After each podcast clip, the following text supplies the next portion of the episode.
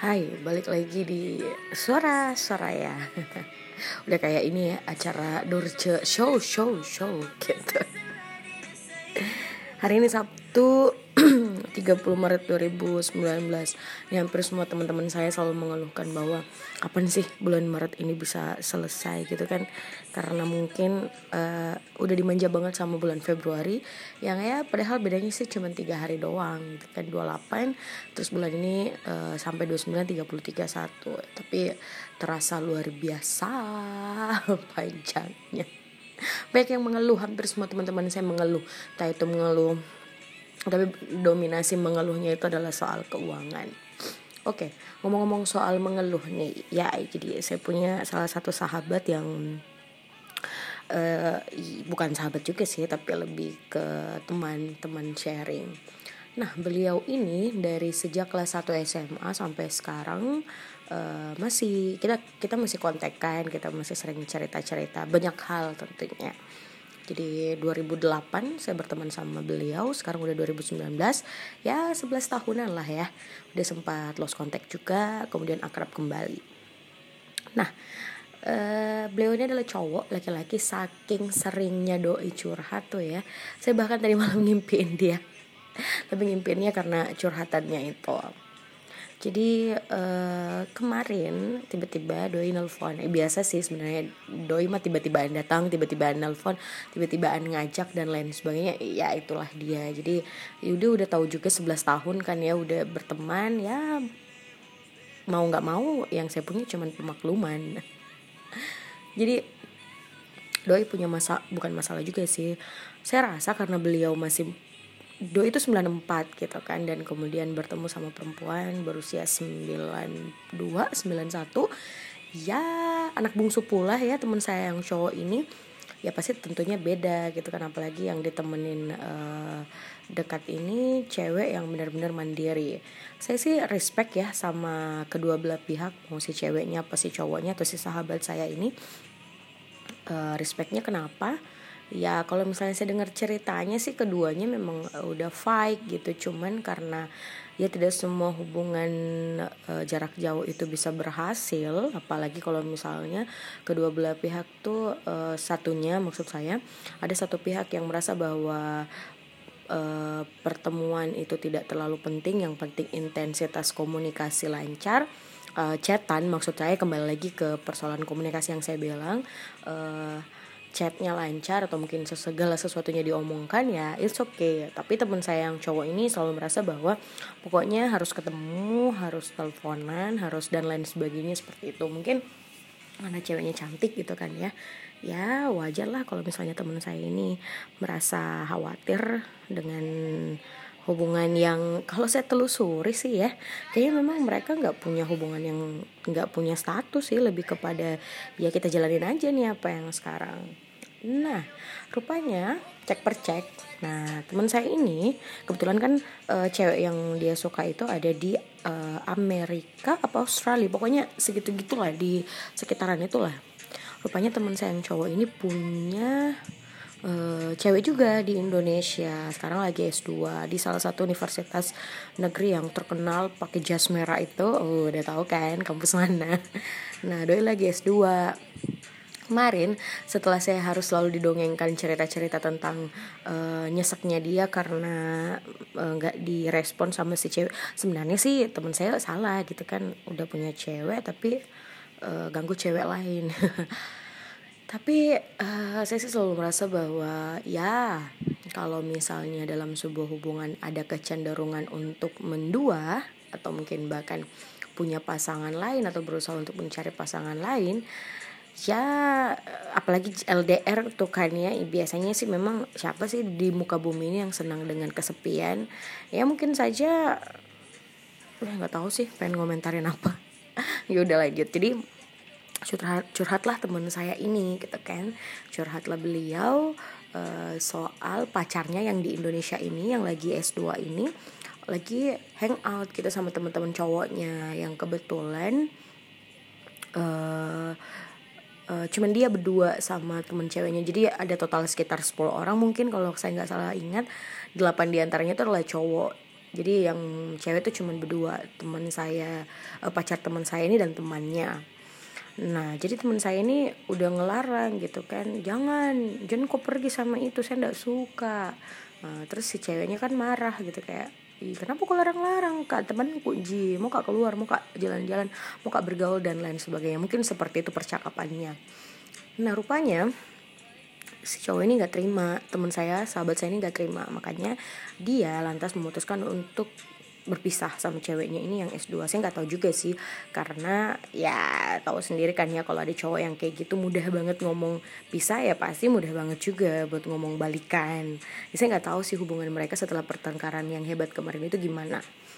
Oke, jadi sepanjang cerita itu, sepanjang cerita doi yang selalu curhat, uh, saya kemudian merasa bahwa ya ada juga sih cowok yang labil gitu kan saya selalu merasa bahwa yang labil itu adalah cewek gitu. Rupanya ada juga cowok yang labil. Labilnya itu eh uh, kalau teman saya yang cowok ini ya uh labilnya itu luar biasa. Jahat banget ya gue ceritain temen sendiri. Tapi ya itu gitu. Karena kemarin ketika saya e, menanggapi curhatannya terus saya bilang kayak ya karena sekarang kamu merasa kamu kamu e, berpikir atau kamu mendahulukan perasaanmu ini saya kasih kok e, pandangan lain dengan pakai logika gitu. Saya bilang ya udahlah biarin aja gitu kan. Dia toh pergi sama teman-temannya apalagi tahu sendiri kan kalau S2 itu biasanya temannya nggak banyak gitu kan. Cuman sekelas berapa orang dan pastinya juga uh, buat uh, buat apa ya? Biasanya sih kalau buat nggak nugas tapi ya karena sedikit temannya dan uh, tahu dong ya gimana struggle-nya kalau misalnya S2 dan lain sebagainya itu ya nggak apa-apa sih buat saya sih bilang kalau it's okay syukur-syukur dia kan lagi dia kan izin sama kamu gitu loh. Bagaimana dengan kamu yang kemudian coba cari selingan uh, meskipun cuman LDR sama cewek lain terus dia marah marah marah terus teleponnya ditutup terus dia bilang kayak jangan kok jangan kok bela kayak jangan kok bela gitu. Saya tidak suka. Intinya dia yang salah. Lah gak boleh begitu. Jadi iya ada banyak fenomena menang mem menang memang. Ada banyak fenomena cowok labil di luar sana entah karena usianya entah karena perlakuan dari orang di rumahnya entah karena memang dia merasa bahwa kalau lo cewek kalau lo jadi cewek gue lo nggak bisa ke mana-mana lo harusnya keluar gitu kan keluar atas izin gue. Nah kalau saya saya saya bilang sih ya di 2019 kayak gini ya lo kalau misalnya pengen kayak gitu nikahin dong gitu kan. Kalau cuma dipacarin itu artinya ada hak-hak dari uh, si ceweknya yang di kungkung sama si cewek sama si cowok ini yang kita nggak tahu juga apakah bakal nikahin atau cuma pengen dipacarin. Karena melihat dari kondisi yang kemarin dia tuh masih masih ini kan masih juga ganggu cewek lain. Meskipun tadi di awal saya bilang bahwa saya respect sama temen saya yang cowok dan temen ceweknya yang uh, dia temenin LDR di luar negeri sana. Ya adalah beberapa hal yang tidak perlu saya ceritakan mungkin ya kenapa saya bisa sampai respect. Tapi uh, kalau kemarin sih memang kita merasa bahwa ya ini buat cewek-cewek juga gitu kan. Banyak yang merasa bahwa saya tuh kadang merasa bahwa duh kenapa kak labil sekali di?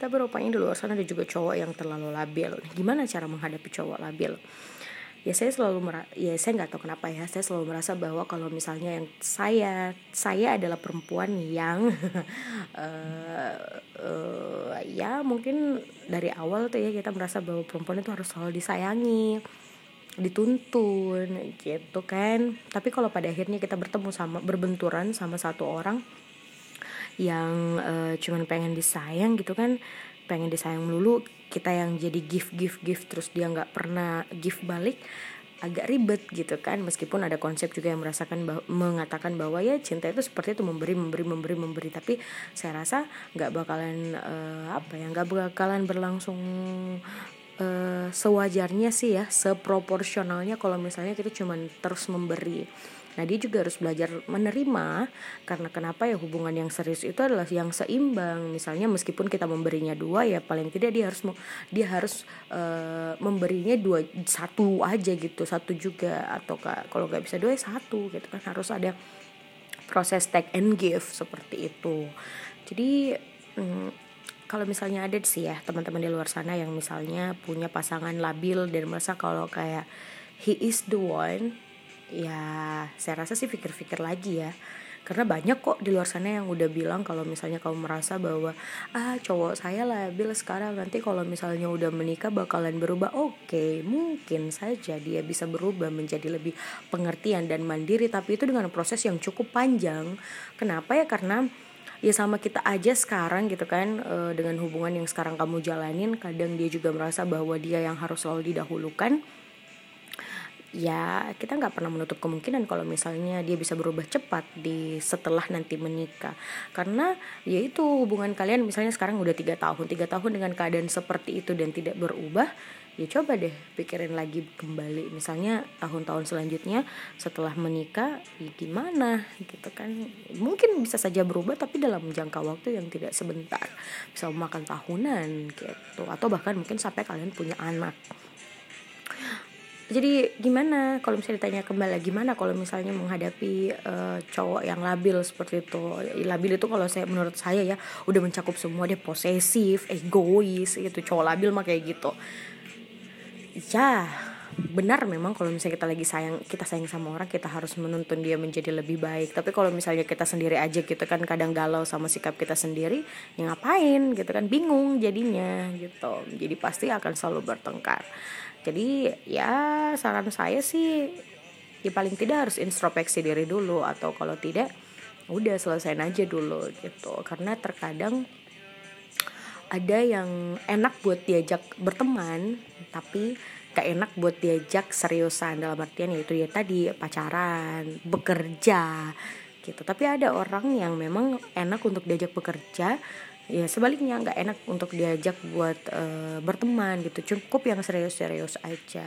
Ada yang enak buat diajak uh, bercanda seru-seruan enak pula jadi sahabat enak pula jadi pasangan hidup nah jadi kenapa saya selalu bilang saya jarang banget menggunakan kata pacaran dengan partner saya. Ya karena saya merasa kalau misalnya kita pacaran tuh selalu ada tendensi untuk memenuhi ekspektasi pasangan masing-masing. Iya kalau misalnya pacar kita kan lagi ngode gitu kan terus kodenya nggak terbaca aduh bingung banget kan. Ntar jadi bertengkar jadinya. Tapi kalau misalnya uh, kita menggunakan kata partner kita menggunakan kata sahabat meskipun masih di luar tuh kadang kayak bilang ih kenapa kok anggap orang cuma sahabat tapi perlakuannya lebih? Ya karena ketika kita bersahabat kayaknya udah itu aja sih sebenarnya udah tidak ada lagi seperti tendensi untuk memenuhi ekspektasi. Lalu eh sorry gue ini pengaruh obat. Iya, paracetamol, bukan obat-obat. Iya, kalau misalnya kita bersahabat kan hmm, lebih ya kayaknya sih saya merasa bahwa sahabat adalah kata yang seru uh, yang nyaman untuk digunakan kalau misalnya kita lagi punya hubungan yang serius. Ya tergantung lagi. Karena kan semua teman itu juga nggak bisa jadi sahabat gitu. tapi semua sahabat adalah teman. That's it sih. Kalau saya kalau misalnya punya pasangan yang labil gitu kan terutama cowok kayaknya better dipikir ulang lagi deh. Atau paling tidak coba omongin coba komunikasikan gak suka dengan sifat yang seperti itu. Kalau misalnya berbenturan dan gak bisa diselesaikan ya kayaknya cowok di dunia ini gak cuma satu kan ya? Masih banyak. Tapi kalau misalnya ada yang bilang oh udah terlanjur sayang. Ya udah sih. Kalau kalau udah sayang jangan ngeluh. Gitu jangan ngeluh dengan sifat posesifnya dia sifat labilnya dia. Karena kalau kamu ngeluh berarti kamu belum sayang. Gitu jadi selamat berakhir pekan untuk teman-teman saya di mana pun anda berada sudah mendengarkan podcast saya yang ya makin hari makin nggak tahu ya apa apa isinya. Tapi semoga ada yang bisa terbantu deh ya dengerin podcast ini. Paling tidak waktu kosongnya kuotanya dihabisin. Ada tuh kan di luar sana anak-anak sultan yang punya banyak kuota dengerin podcast saya. Kuotanya jadi uh, berkurang well see you soon. Sampai ketemu. Selamat berakhir pekan. Salam sayang dari Sulawesi Selatan. Saya Saraya dah